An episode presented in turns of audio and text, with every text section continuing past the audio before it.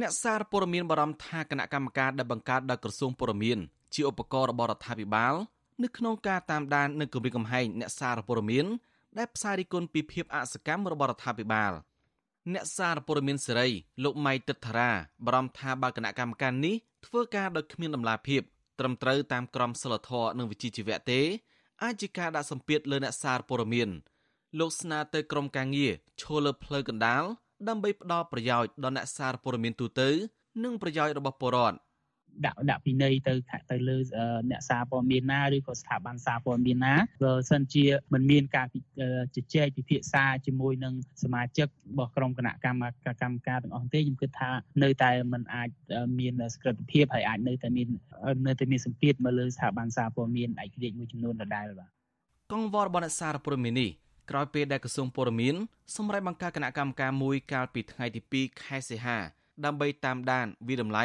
និងលើកសរសើរចំពោះអ្នកសារព័ត៌មាននិងអង្គភាពសារព័ត៌មានដែលបានអនុវត្តត្រឹមត្រូវតាមក្រមសីលធម៌និងវិជ្ជាជីវៈសារព័ត៌មានគណៈកម្មការនេះក៏មានសិទ្ធិដាក់ពិន័យចំពោះអ្នកសារព័ត៌មាននិងអង្គភាពសារព័ត៌មានណាដែលខ្លួនរកឃើញថាបានប្រព្រឹត្តល្មើសនឹងក្រមសីលធម៌និងវិជ្ជាជីវៈសារព័ត៌មានក្រុមការងារនេះ ដឹកនាំដោយរដ្ឋលេខាធិការក្រសួងព័ត៌មានលោកបុតបវុននិងមានសមាជិកច្រើនលើលប់ចេញពីមន្ត្រីជាន់ខ្ពស់និងទីប្រឹក្សាក្រសួងព័ត៌មានក្រៅពីនេះក៏មានស្ថាប័នប្រព័ន្ធផ្សព្វផ្សាយមួយចំនួនទៀតចូលរួមផងដែរឆ្លើយតបទៅនឹងក្តីបារម្ភនេះអ្នកនាំពាក្យក្រសួងព័ត៌មានលោកមាសសុផាន់មានប្រសាសន៍ថាមានការព្រួយបារម្ភដោយសារមិនបានយល់ច្បាស់ពីទូនីតិនិងភារកិច្ចរបស់គណៈកម្មការថ្មីនេះលោកថាគណៈកម្មការនេះគឺជាអ្នកតម្រង់ទិសអ្នកសារព័ត៌មាន ឲ្យអនុវត្តត្រឹមត្រូវតាមក្រមសីលធម៌និងវិជ្ជាជីវៈទៅវិញទេ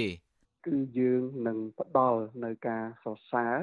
លើកទឹកចិត្តចំពោះអ្នកដែលប្រព្រឹត្តត្រឹមត្រូវហើយអ្នកដែលប្រព្រឹត្តមិនត្រឹមត្រូវប្រឆាចនឹងក្រមសីលធម៌គណៈកម្មការនេះនឹងពិនិត្យ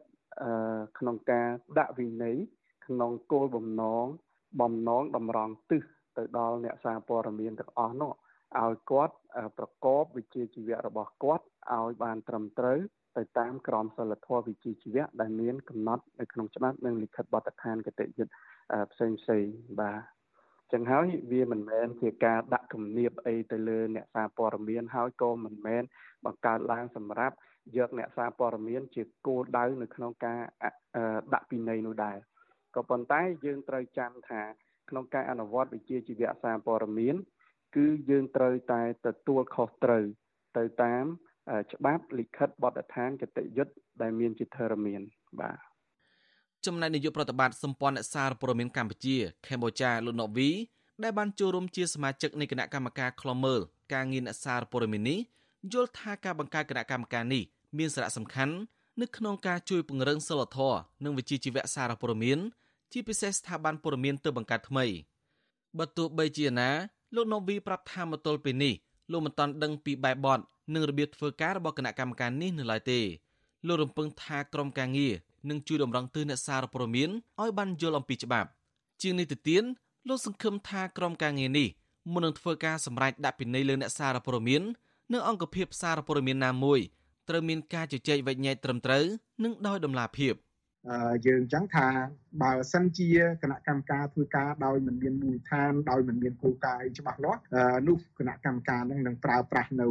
ការដោះស្រាយឬមួយក៏ការចាត់វិធានការផ្សេងផ្សេងហ្នឹងដោយពឹងផ្អែកទៅលើតែអារម្មណ៍ឬមួយក៏ដូចយើងបានដឹងហើយថាសមាជិកនៅក្នុងគណៈកម្មការនេះក៏មានច្រើនមកពីខាងរដ្ឋាភិបាលដែរបាទ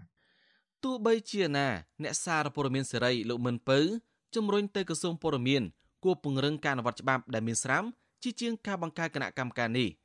លោកសង្កេតឃើញថារដ្ឋាភិបាលឬក៏ក្រសួងព័ត៌មានបានរដ្ឋបិទអង្គភាពសារព័ត៌មានឯករាជ្យដូច្នេះលោកបារម្ភថាគណៈកម្មការថ្មីនេះអាចនឹងដាក់បន្ទុកបន្ថែមទៀតដល់អ្នកសារព័ត៌មាន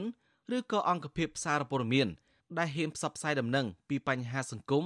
ឬក៏ភាពអសកម្មរបស់រដ្ឋាភិបាល។ ចឹងបើសិនជាយើងធ្វើបានច្បាប់ល្អហើយយើងប្រឹងអនុវត្តច្បាប់ឲ្យបានល្អទៀតវាកាន់តែប្រសើរទៀតហើយបើយើងបង្កើតគណៈកម្មការហ្នឹងយើងនឹងចោទសួរទៀតថាគណៈកម្មការហ្នឹងជាអ្នកណាហើយអាគុណភាពអាការវិតម្លៃហ្នឹងគេយកអីមកវាស់វែងណាដើម្បីឲ្យបន្ទុកថាល្អឬមិនល្អឲ្យបើឲ្យការសរសើរវាវាអាចជាផ្នែកមួយទេគិតចង់ឲ្យអ្នកណាក៏ឲ្យទៅប៉ុន្តែគឺការដាក់ពិន័យតែគាត់ដាក់ពិន័យវាមិនប្រទេសកម្ពុជាតែងទទួលបានចំណាត់ថ្នាក់ទាបនៅក្នុងការផ្ដល់សេរីភាពសារព័ត៌មាន អង្គភាពសារព័ត៌មានគ្មានព្រំដែន Reporters Without Border រកឃើញថាសេរីភាពសារព័ត៌មាននៅកម្ពុជាស្ថិតនៅក្នុងស្ថានភាពអាក្រក់ដដែលកម្ពុជាជាប់លេខ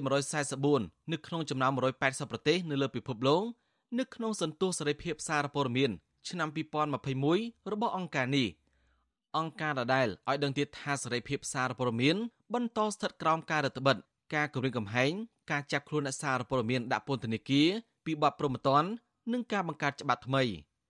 ថ្មីថ្មីនេះគណៈកម្មការអ្នកច្បាប់អន្តរជាតិ ICJ រកឃើញថាអ្នកសារព័ត៌មាននិងប្រព័ន្ធផ្សព្វផ្សាយនៅកម្ពុជា ប្រឈមការគៀបសង្កត់កាន់តែខ្លាំងឡើងអំឡុងពេលនៃការរាតត្បាត COVID-19 ខ្ញុំសនចាររថាវិទ្យុអាស៊ីសេរី